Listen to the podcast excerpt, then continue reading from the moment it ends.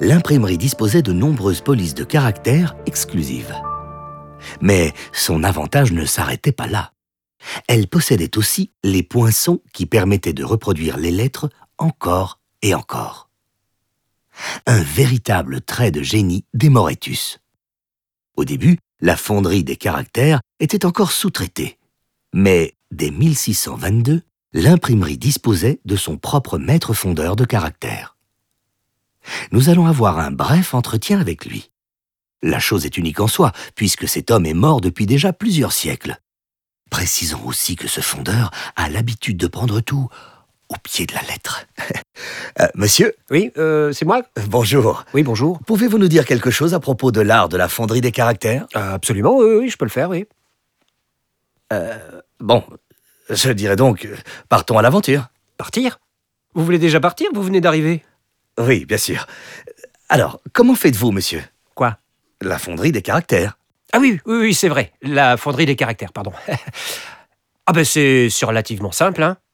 Je prends un poinçon en acier, comme celui-ci, et je l'utilise pour frapper un petit bloc de cuivre, comme ceci. Ce bloc, que nous appelons la matrice, est ensuite légèrement corrigé et placé dans un moule. Voilà. J'y verse alors un peu de plomb en fusion. Lorsque tout a refroidi, bah, il me suffit de retirer la lettre du moule.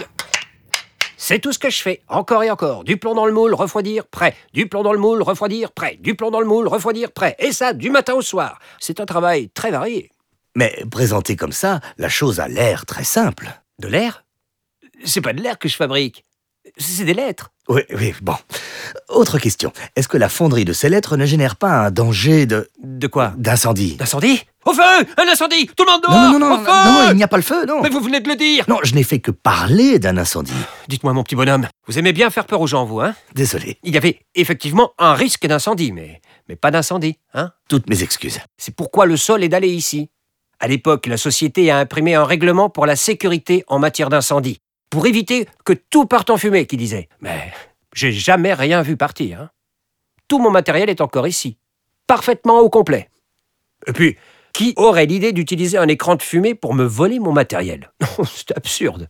Euh, oui, bon.